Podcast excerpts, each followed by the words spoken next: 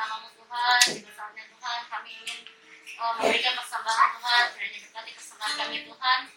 Oh, berkati tangan-tangan yang memberi, berkati orang tua kami juga ya Bapak. Terima kasih Bapak. Di dalam nama Tuhan Yesus Kristus. Haleluya. Amin. Amin. Ya.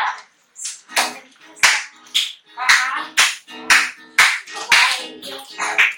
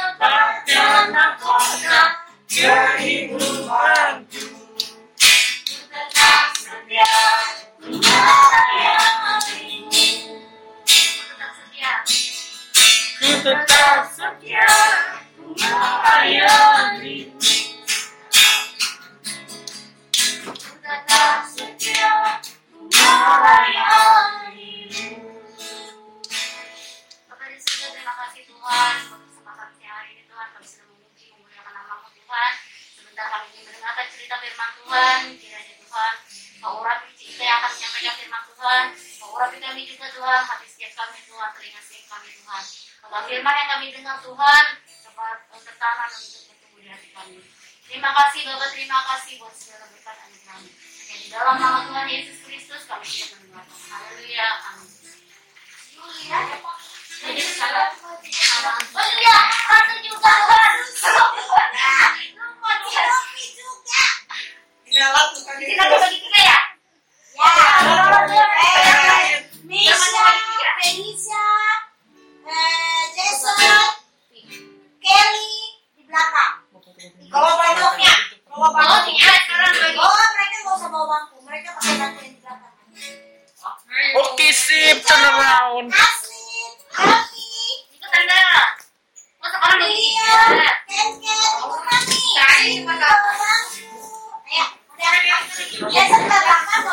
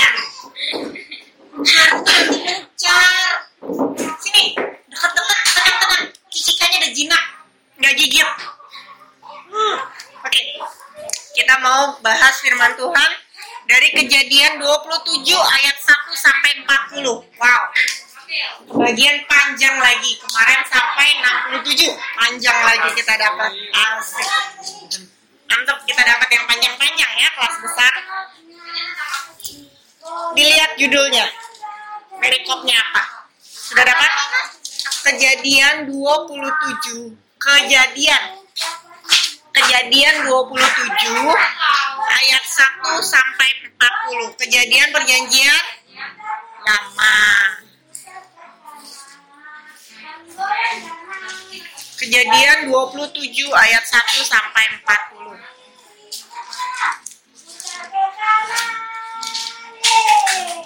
Nah, dapat. Oke. Nah, Yakub diberkati Ishak sebagai anak sulung. Siapa yang ingat? Kesalahan apa yang pertama dibuat oleh Yakub? Eh, dibuat oleh Yakub. Ya, yang dibuat oleh Yakub. Kesalahan apa? Diberkat, diber, memberkati Ishak Memberkati Ishak baru akan memberkati. Yang pertama kali dia buat. Nah, menipu nipu siapa? Menipu Esau. Yang menukar apa? Hak kesulungan dengan bubur kacang Hijau.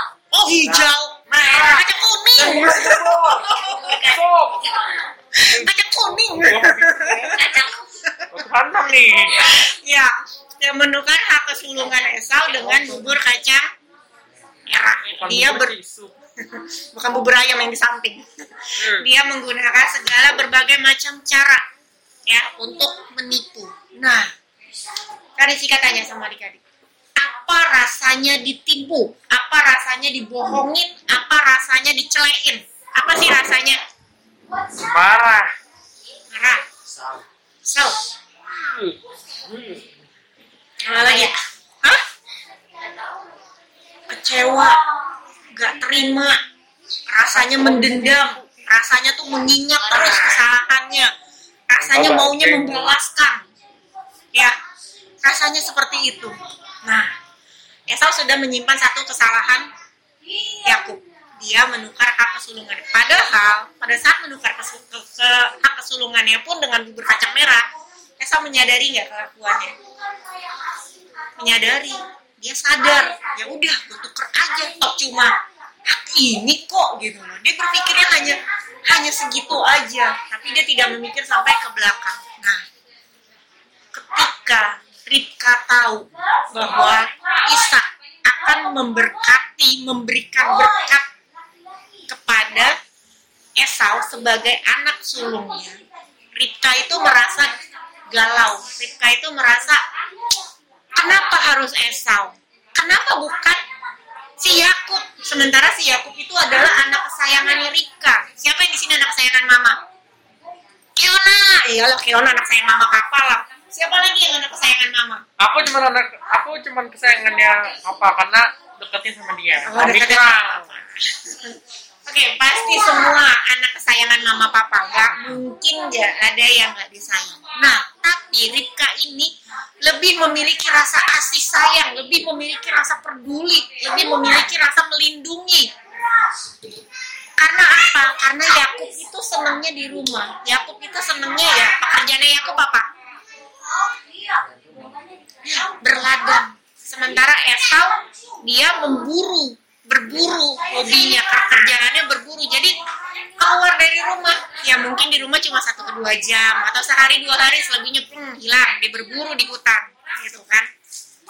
Jadi karena keseringan ada di rumah, Yakub itu jadi disayang sekali sama Ribka. Sampai begitu dia tahu, wah Ishak mau memberkati Yakub. Lalu dia bilang, eh kan Yakub lagi dipanggil nih sama bapaknya, disuruh berburu, disuruh mempersiapkan makanan yang enak untuk diberkati sebagai uh, anak sulung gitu kan.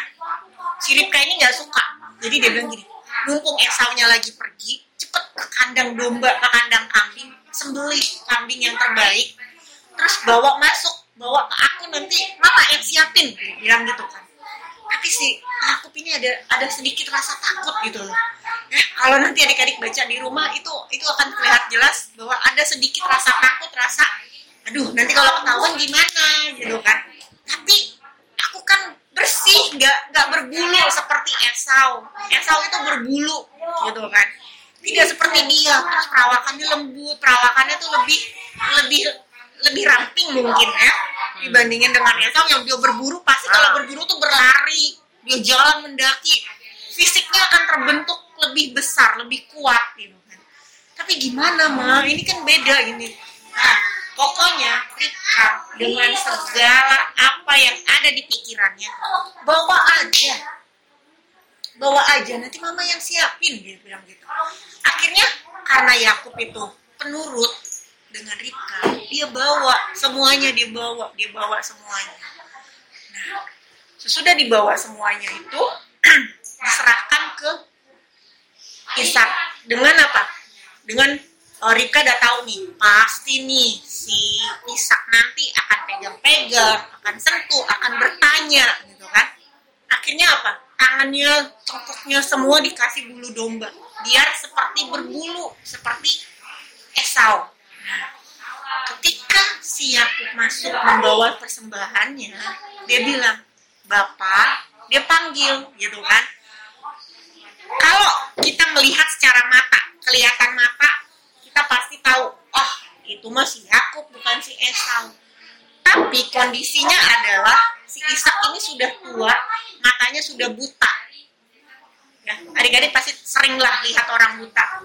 Bagaimana dia jalan pun susah, harus pakai tongkat, mengenali orang hanya melalui pendengaran dan meraba. Ya, Itu persis kayak almarhum Ama waktu terakhir sebelum meninggal Ci. Dia itu pernah salah pikir, kan pertama bilang Ferry, Ferry, titip keluarga ya. Tapi dengan orang yang sama masih Vivi Ferry. Itu dipanggil nama Kungkung. Kungkung kan sebenarnya bukan Endang namanya, tapi Aloy. Bilang Loy, Loy, titip anak-anaknya. Dan dia bilang begitu lagi di hari sebelum meninggal ya beberapa jam sebelumnya. iya. Dia bilang Loy, titip ya, gua udah mau pergi. Aku bilang jangan, jangan kayak gitulah. Lu pasti punya harapan sembuh, ini gitu. Ya, itu kayak gitu. Tidak. Jadi dia sudah tua, matanya sudah ter- sudah buta, tidak bisa mengenali orang sorry, secara penglihatan gitu kan. Tapi secara pendengaran dia ragu nggak? Ishak ragu nggak? Buka Alkitabnya.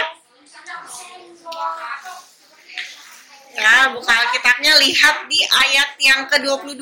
Oh, jangan ditutup dulu tadi. Nah, Kejadian 27 ayat yang ke-22 sampai ayat yang ke-24. Cicika bacain ya. Maka Yakub mendekati Ishak ayahnya dan ayahnya itu meraba serta berkata, "Kalau suara, suara Yakub; kalau tangan, tangan Esau." Jadi Ishak tidak mengenal dia karena tangannya berbulu seperti Esau kakaknya. Ishak hendak memberkati dia, tetapi ia masih bertanya, "Benarkah ini anakku?" Esau? Jawabnya, ya. Jadi di dalam dirinya si Ishak sendiri, sebenarnya dia juga bingung. Kalau suara yang terdengar suaranya Esau. Gitu. Tapi kalau diraga, kok tangannya berbulu, fisiknya berbeda. Fisiknya fisik Esau gitu. Dia sendiri sebenarnya bingung. Tapi karena dia percaya, kembali lagi dia percaya lagi kepada Yakub, akhirnya ya dia member memberkati. Nah, dia suka memberkati. Saat ini satu kebohongan. Dulu kebohongannya dilakukan sendiri. Ya kan? Ketika Esau menukarkan hak kesulungannya itu sendiri dia lakukan. Tapi kebohongan besar yang kali ini dia lakukan sendiri atau ber, atau dibantu? Dibantu. Dibantu. Sekarang Cici katanya, adik-adik melakukan sesuatu hal yang tidak baik. Eh, even itu misalkan menyontek lah di sekolah, Nih. gitu kan?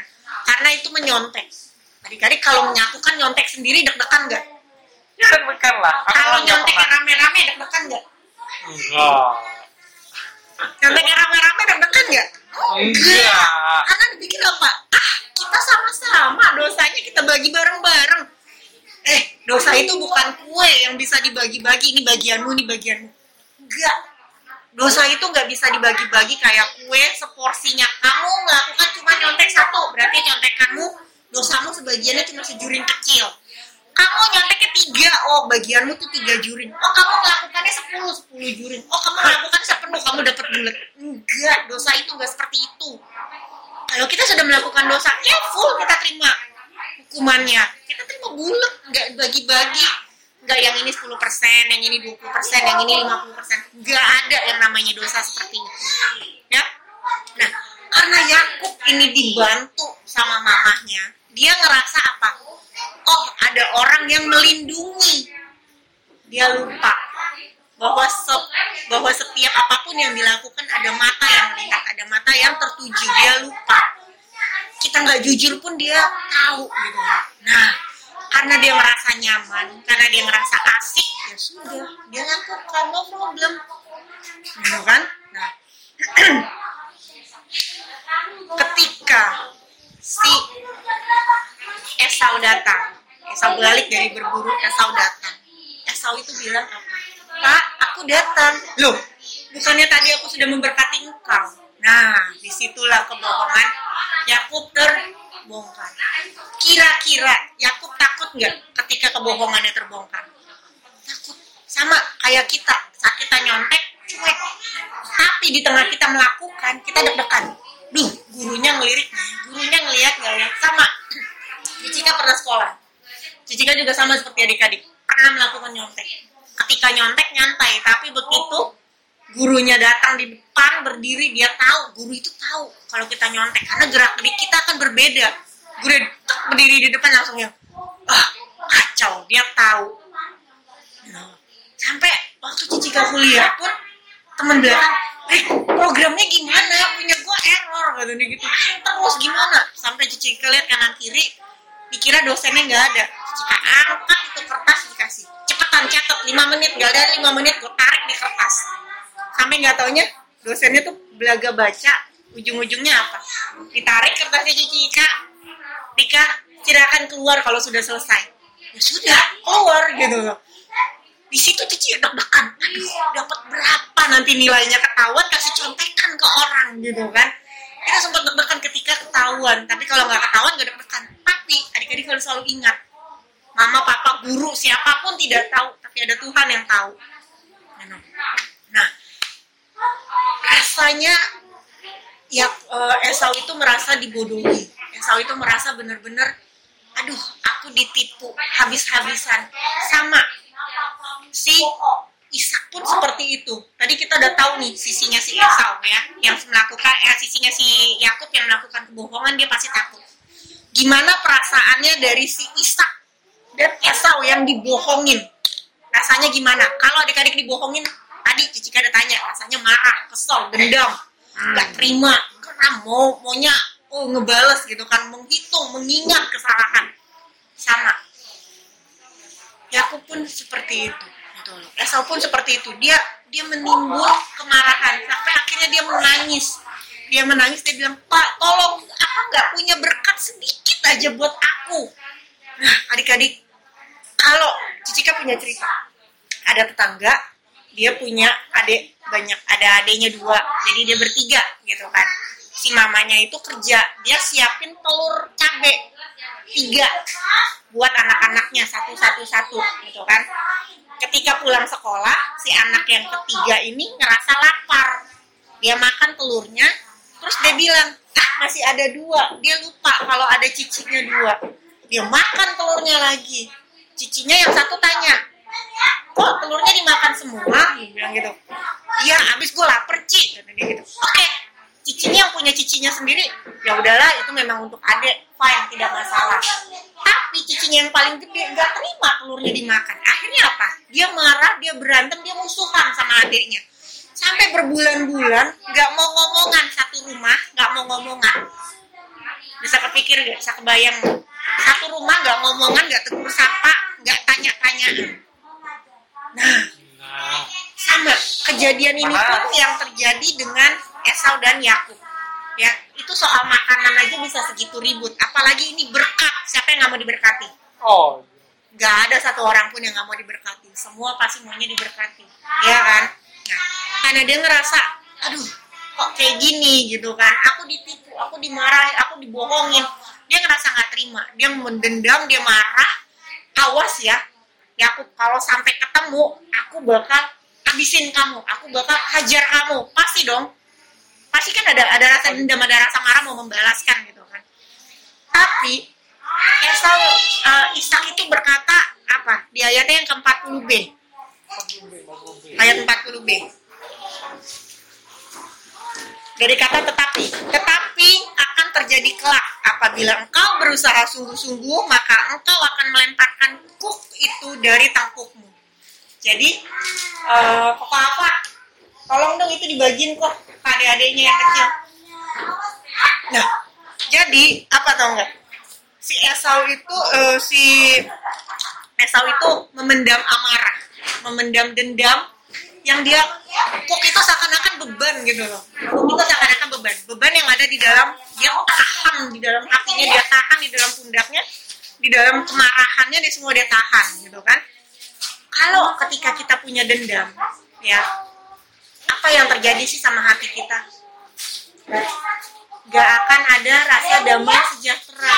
Gak akan ada rasa senyum. Gak akan ada rasa pokoknya rasanya gini karena dia karena dia karena dia karena dia karena dia. Selalu seperti itu terus gitu kan. Selalu seperti itu terus yang akan membuat dia kalau kita punya dendam kita bisa berkembang nggak? Bisa. Kita punya dendam loh. Kita punya marah di dalam hati kita. Kita mendam kekesalan. Kita bisa berkembang nggak? Kita bisa bisa melakukan segala sesuatu dengan enjoy nggak? Nggak. Semua kepentok dengan rasa dendam kita kita dendam nih sama seseorang. Kita mau bantu orang itu kesusahan kita mau bantu. Ah biarin aja. Kemarin dia juga bikin gue susah kok. Biarin aja. Dendam. Jadi harusnya Tuhan kasih berkat sama kita karena kita mendendam akhirnya apa? Berkat itu nggak jadi dikasih ke kita. Stop gitu loh. Stop di tempat gitu kan. Nah di sini Ishak mengajarkan sesuatu yang Cicika baru dapat tadi pagi dan itu bagus banget gitu loh. Melemparkan kuk melepaskan. Hmm. artinya apa? Kalau si Esau ini mau hidup berdamai Esau ini mau akhirnya berkat itu turun kepada dia dia harus melepaskan melepaskan dendamnya melepaskan amarahnya melepaskan kekesalannya. Gitu kan? Memang satu kejujuran yang kita katakan itu akan membuat orang terluka. Mungkin kalau kejujuran itu menyakitkan. Banyak kan kita pasti pada bilang duh kejujuran itu menyakitkan. Ya kejujuran itu menyakitkan. Tapi kalau kita mau melepaskan rasa dendam kita rasa amarah kita rasa egonya kita kejujuran itu akan jadi manis. Karena apa? Karena ada berkat di dalam dibalik apa? Dibalik rasa kedendamannya kita dibalik rasa kekesalannya kita yang udah kita lepaskan yang sudah kita buang jauh gitu loh. Ada berkat. Jadi gini Cicika waktu itu pernah sekali sebel banget sama satu orang di kantor. Sebelnya luar biasa. Uh pokoknya tuh kalau udah ngelihat dia rasanya udah pengen muntah deh istilahnya gitu. Karena tingkahnya itu udah udah bikin marah. Dia ngadu yang enggak enggak. Dia eh, cerita sama si bos yang begini-begini akhirnya Cicika diomelin dimaki-maki gitu kan. Sempet marah. Gua bilang awas lo ya. Kalau lo minta tolong sama gue sampai lo nangis sujud pun gue nggak akan tolongin lo. Cicika marah. Cicika dan pendendam. Inget kesalahan dia kemarin karena sudah eh, ngejelek-jelekin Cicika di depan bos sampai nilai yang sudah plus Cicika berikan nilainya nol. Minus bahkan gitu kan. Marah nggak kita? Marah kesel gitu kan. Tapi ketika dia datang Ci tolongin gue dong. Hah? kenapa lo minta tolong sama gue nggak salah lo. Lo udah hianatin gue kenapa lo minta tolong sama gue? Iya gue minta tolong banget Ci. Gue nggak ada eh, ada keperluan dia bilang mendesak anaknya sakit terus eh, boleh nggak gue pinjem uang sama lo? Oh pinjem aja ke kantor. Ngapain lo pinjem sama gue? Orang lo dijahatin gue kok. Bilang gitu kan. Kalau dendam ya Ci? Oh di situ rasa tek. Oh iya. Siapa yang sakit? Anak gue Ci. Oke berapa lo pinjam? Gue pinjam sekian. Oke Cicika kasih. Nih ya. Gitu. Cicika kasih eh, padahal saat itu Cicika juga lagi nggak punya. Saat itu Cicika lagi kekurangan. Ya udah tapi karena Cicika pikir ya udahlah ya ini anak yang sakit ya sudah dibantu. Terus tapi gue balikinnya lama loh Ci. Udah lu nggak usah balikin. Lu nggak usah nggak usah ambil pusing. Yang penting anak lu sehat dulu keluar dari rumah sakit bisa kumpul lagi sama keluarga udah itu udah cukup. Dia bilang gitu kan. Masalah hutang kalau lo sempet lo bayar lo nggak sempet ya sudah nggak ada masalah gitu kan. Nah terus pas besokannya ternyata bosnya Cicika itu transfer sejumlah uang yang lebih banyak lagi. Di situ Cicika sadar ketika kita melepaskan dendam ketika kita melepaskan amarah ketika kita eh, berdamai dengan hati kita berjujur hati dengan diri kita ternyata apa? Berkat-berkat yang di belakang itu ikut ngalir ikut semuanya terbuka. Jadi jangan pernah adik-adik berbohong jangan pernah adik-adik eh, mengambil apa yang bukan haknya adik-adik ya adik-adik berpikir ah gue ambil berkat ini. Ternyata berkat yang udah disiapin Tuhan di belakang itu gak akan tercurah buat adik-adik. Tapi kalau adik-adik jujur ya itu berkat pasti banyak akan ikut. Poinnya cuma satu jujur. Letakkan jujur di dalam hati adik-adik. Lakukan jujur di dalam hidup adik-adik. Percaya berkat-berkat itu pasti akan ikut sampai titik nol sampai titik belakang ya. Oke jika punya ayat hafalan itu dari Amsal. Amsal 23 ayat 16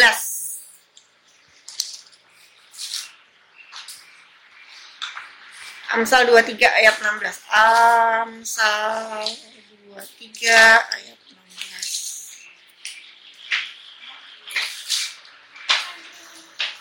Amsal 23 ayat 16 Cicika bacakan. Jiwaku bersukaria kalau bibirmu mengatakan yang jujur. Orang jujur sama kita kita senang. Jadi perlakukanlah diri kita pun harus jujur kepada orang lain. Oke? Kita harus bisa untuk berlaku jujur. Ya?